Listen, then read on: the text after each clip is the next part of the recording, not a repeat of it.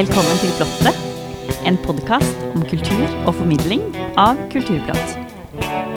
Mitt navn er Johanne Aurora Løvli Hidle. Hver dag til og med julaften får vi besøk av aktuelle artister innenfor mange spennende sjangre.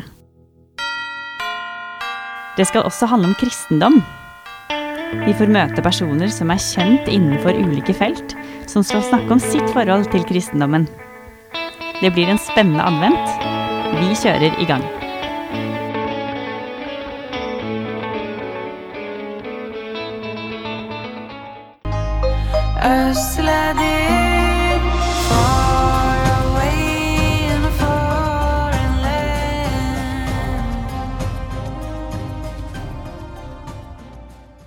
I dag har vi fått besøk av Marie Saba. Velkommen. Tusen takk. Du er aktuell med EP-en Asari Baby. Kan du fortelle om hvordan du har jobbet fram denne EP-en? Åh, det er et uh, stort spørsmål. Jeg starta med den i 2020, før jeg lenge har hatt lyst til å utforske røttene til meg og min far uh, enda grundigere da, enn jeg har gjort tidligere. For tidligere har jeg også implementert litt av uh, den musikken jeg har vokst opp med, via min far, som er fra Iran. Han er fra Nord-Iran, som var en del av Aserbajdsjan.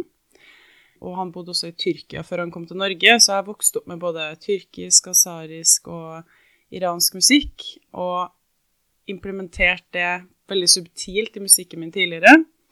Eh, Men så ønsker jeg å gå litt dypere i det, fordi for meg så Når jeg lager musikk til mitt eget prosjekt, så føles det komplett når jeg både mikser musikken fra den delen av verden og den vestlige popmusikken som jeg fikk gjennom mora mi, da, som er fra Norge. Så da begynte jeg med det i 2020, og utforska det.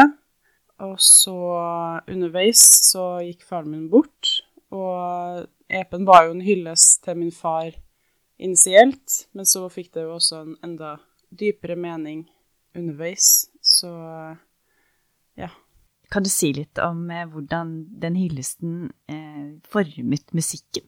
Den forma musikken på mange måter, egentlig. Både, både musikalsk, gjennom eh, bruk av ulike instrumenter fra både Iran, Aserbajdsjan og Tyrkia, eh, men også tekstlig. Jeg synger for det meste på engelsk, men har også implementert mm, strofer på asarisk, som må føles som en eh, Føles ut som at jeg kommer nærmere min far også, da det var morsmålet hans. Hvordan har det å vokse opp i et flerkulturelt hjem i Norge hatt betydning for din musikk?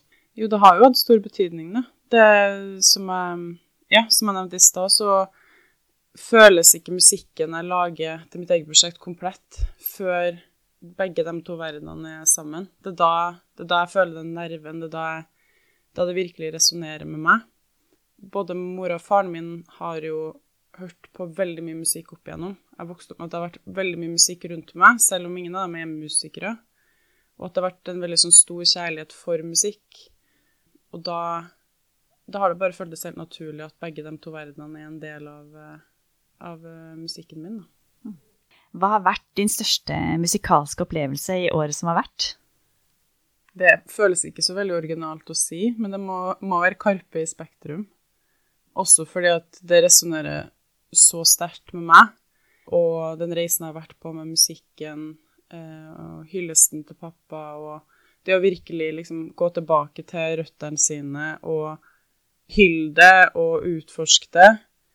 For det er, jo, det er jo det samme de har gjort. Og selv om vi ikke har samme bakgrunn, så var det veldig mye av det som traff veldig, da. Så det var veldig, veldig, veldig sterkt. På mange plan. Det er helt sikkert det største øyeblikket. Mm. Hva har vært den største opplevelsen du har hatt eh, med deg selv som musiker, da? Konsertopplevelse eller hva som helst? Det er et veldig godt spørsmål. Jeg føler at det er mer Det er mer kanskje sånne små øyeblikk som treffer veldig. Hvor eh, Spesielt når jeg lager musikk. At det er sånn «Hå! Nå ble det riktig. Fordi veldig mye av det er en følelse. Det er ikke nødvendigvis noen ting jeg kan skrive en doktorgrad om, eller virkelig liksom um, rasjonalisere. At noen ganger så er det bare sånn Yes, der satt det. om det var noe tekstlig, eller om det var noe musikalsk, eller å ja, men hvis jeg spiller det motivet med det instrumentet i stedet, eller den musikeren kommer inn og spiller, og så bare føler man sånn åh, nå satt det. Det er nok de øyeblikkene jeg elsker mest, hvor du- bare kjenner at ting virkelig treffer, da. Så nesten en sånn åndelig opplevelse på et vis. Hvilke musikalske opplevelser gleder du deg til i året som kommer? Jeg gleder meg til å spille musikken live. Skal på turné på nyåret, eh, både i Norge og Tyrkia. Så det ser jeg veldig frem til. Samtidig som jeg allerede har begynt på det neste albumet. Eh, og gleder meg veldig over den musikken også. Jeg gleder meg til å spille den live, men gleder meg også til å fullføre den og slippe den. Så det er egentlig ganske mye, mye å se frem til. Kan du fortelle litt om forskjellene på å spille i Norge og spille i Tyrkia? Jeg føler jo at jeg er litt inhabil, da. Men um, selv om jeg egentlig ikke har tyrkisk bakgrunn, så føler jeg meg jo litt tyrkisk også, siden jeg vokste opp med den musikken og kulturen eh, gjennom faren min, og vært mye i Tyrkia. Så spesielt når jeg kommer til Istanbul, så føles det veldig som at jeg kommer hjem. Og ja, det er bare noe helt spesielt, også spesielt siden no, hvor musikken min er mye mer prega av ja, de tradisjonene fra Midtøsten, så føles det som at um, Jeg føler, føler ofte at det resonnerer veldig med publikummet der, da. Um, mens i Norge så kan det slå litt alle veier. At noen ikke helt henger med, eller at noen syns at det er veldig fint, da. Vi nærmer oss jul. Hva er jul for deg? På én side så er jul stress og plikt og mye styr. Og det jobber jeg veldig med, fordi det kan òg bare være veldig kos og noe som beriker en mørk tid. Så i år så er min eh, tilnærminga mi at jeg skal nyte mer. Begynne med det tidlig. For ofte er jeg sånn Nei, jeg skal ikke drikke julebrus før julaften, og det er veldig sånn Det er litt sånn strengt regime, da. Men i år så er ja, tilnærminga mer å nyte hele veien, da. For det er egentlig veldig koselig. Mm. Har du noen favorittjulesang? Oh, ja. Hele plata til Dolly Parton og Er det Kenny Rogers han heter? Hus nå husker jeg ikke engang hva, hva plata heter, men den hører vi på repeat i familien hver eneste jul. Når den blir satt på, så er det jul. Og Driving Home for Christmas av Chris Ria. Og Last Christmas av ham. Det er liksom Det er det jeg trenger i desember. Ja, fint. Hva med favorittjulefilm? Tre nøtter til Askepott. Altså den originale. Jeg har ikke sett den som kom i fjor, faktisk. Så det skal jeg gjøre nå i desember. Og så Grinchen. Ja. den syns jeg er herlig. Takk for at du kom til plottet, Marie. Selv takk. Takk for at jeg fikk komme. Nå skal vi høre en låt fra EP-en din, Never Got To Know You.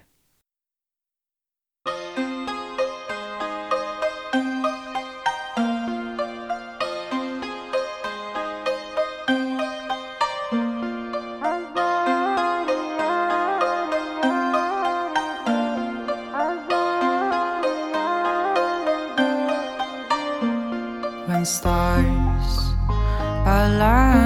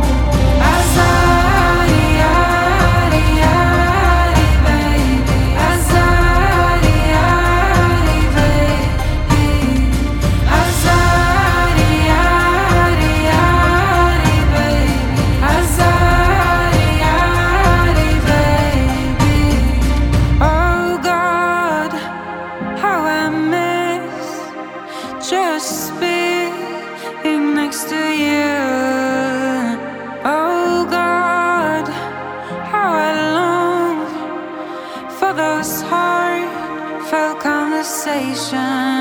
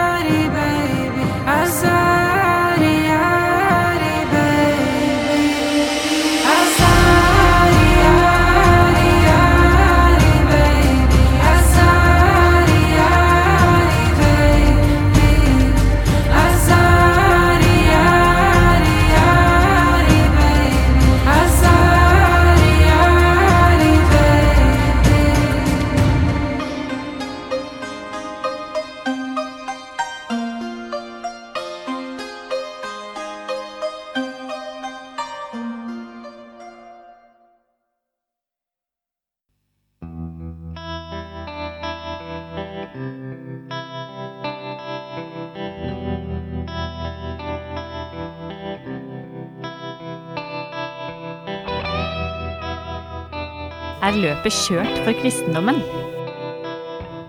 Vi har intervjuet 24 personer som drøfter kristendommens status per i dag denne julen. I dag er det forfatter Andreas Ribe Nyhus, som også er dømt for drap. Han har en doktorgrad i forsoning med hovedfag i filosofi.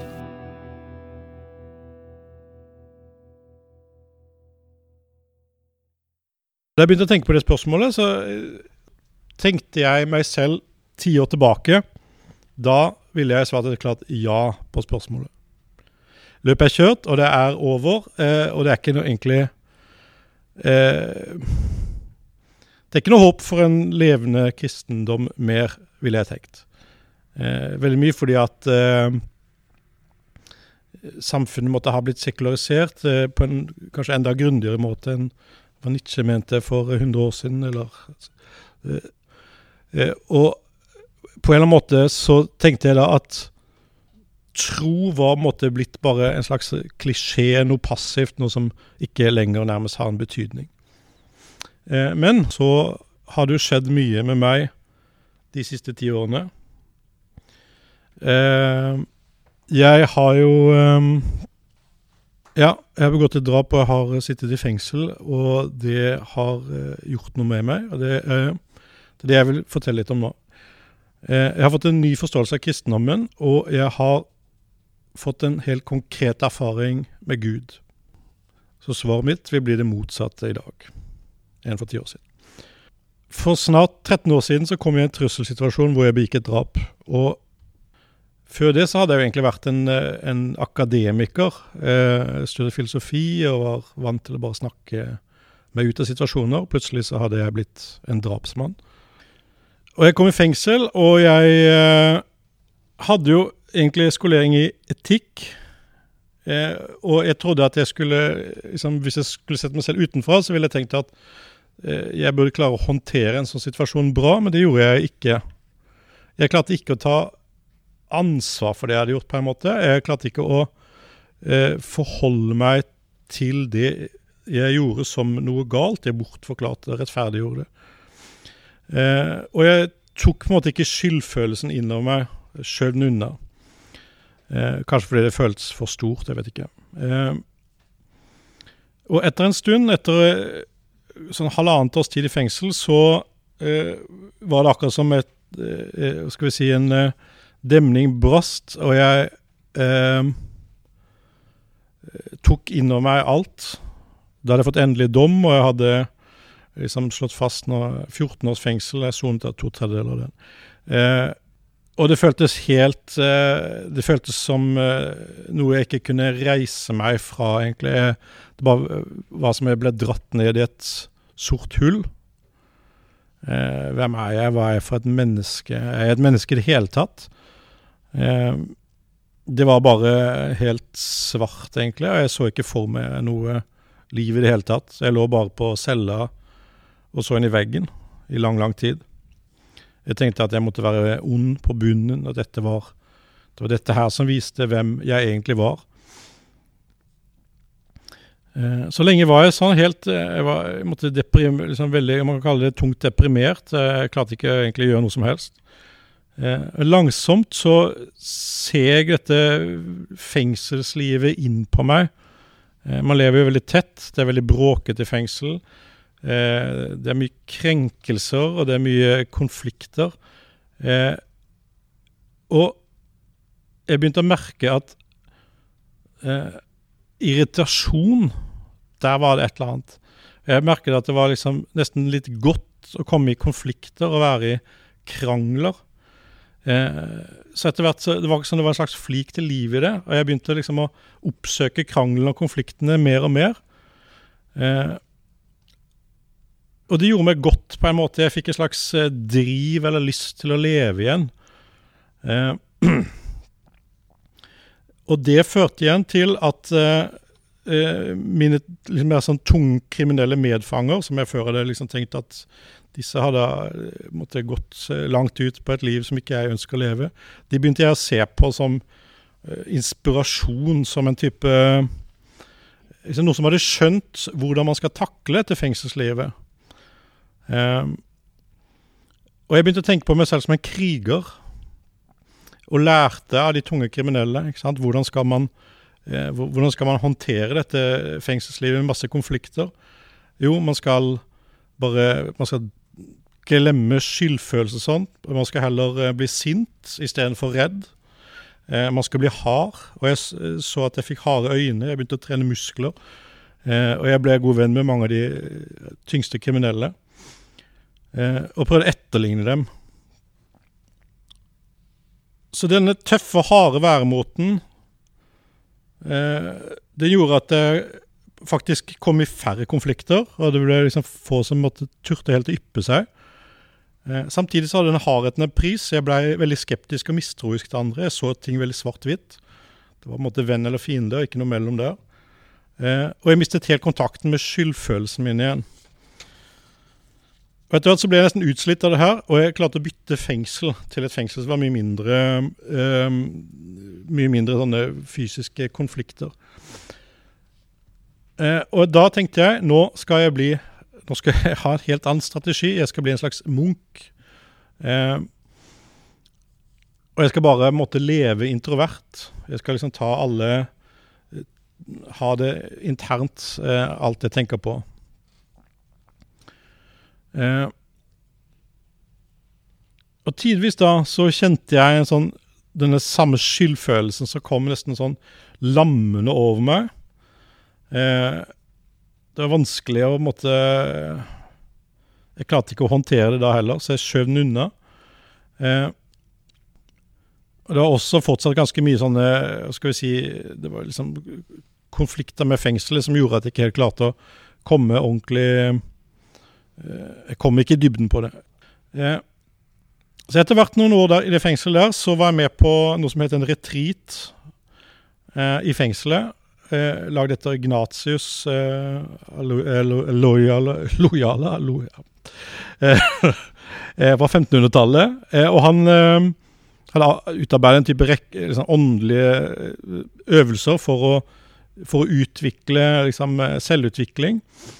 Og dette var blitt liksom, modernisert og brukt i, særlig i Kumla fengsel i Sverige på veldig mange tunge kriminelle som da hadde hatt eh, veldig liksom, hell med å gå gjennom dette programmet. da. Så en tre uker stille retreat hvor man bare gikk gjennom øvelser. Hadde én time veiledningssamtale. Eh, og jeg tok, eh, tok dette, denne retreaten bare mer og mer på alvor. Eh, og vi var kommet til noe som ble kalt et tilgivelsesritual. Eh, og da ble vi, ble liksom informert at nå skal vi bekjenne våre synder, og så skal vi få tilgivelse for det.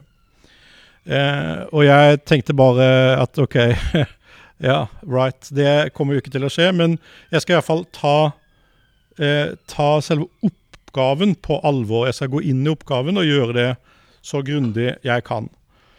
Eh, så vi skulle, måtte, vi skulle bruke en dag til å skrive ned våre synder, eh, og jeg skrev eh, jeg har drept en mann, og så begynte jeg å gå inn i, i det øyeblikket hvor dette skjedde, og prøvde å tenke hva var det jeg, hva slags tanker hadde jeg, hva gjorde jeg, hvordan eh, Jeg skrev alt ned. Eh, så grundig jeg kunne. Eh, neste dag så skulle vi, skulle vi ta disse arkene våre, putte i en konvolutt og spikre det på et kors, og vi skulle brenne det i bakgården. Eh, Det ble dynket med tennvæske, og vi var syv stykker, og vi sto liksom i ring rundt denne, eh, denne Det var en sinkbøtte hvor, det, hvor disse syndene våre brant opp.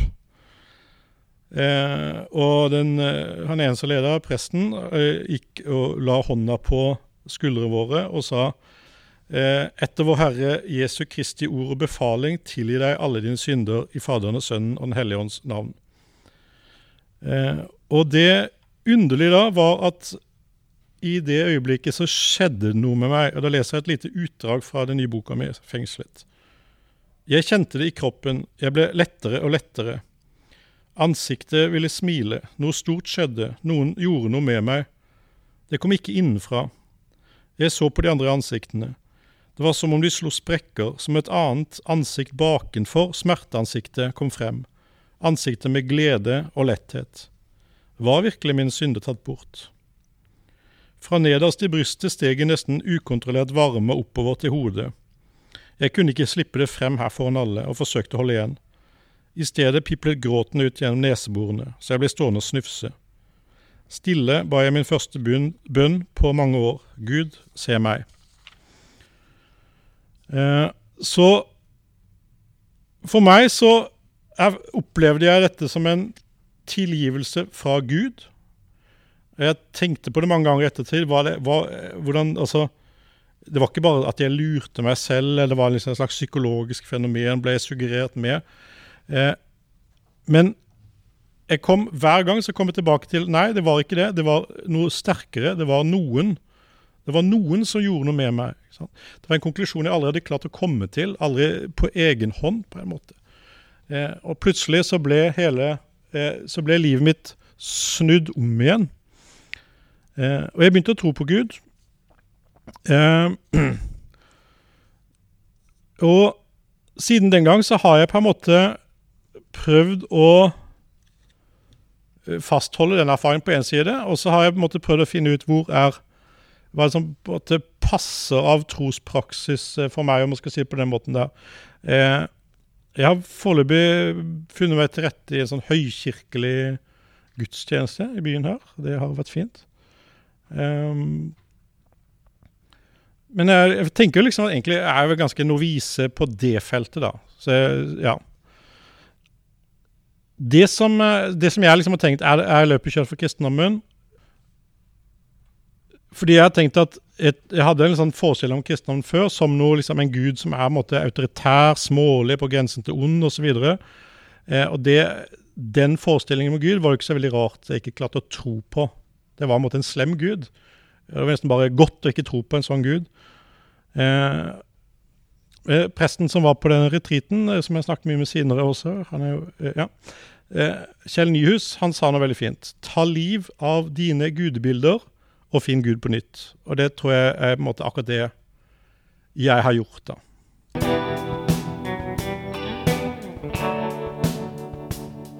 Følg med på alt som skjer i kulturverden på kulturplott.no. Der finner du også et tilbud på Kulturplott og magasinet Samtiden på 150 kroner for seks måneder. Programleder og teknisk ansvarlig for denne sendingen var Johanne Aurora Løvli Hidle.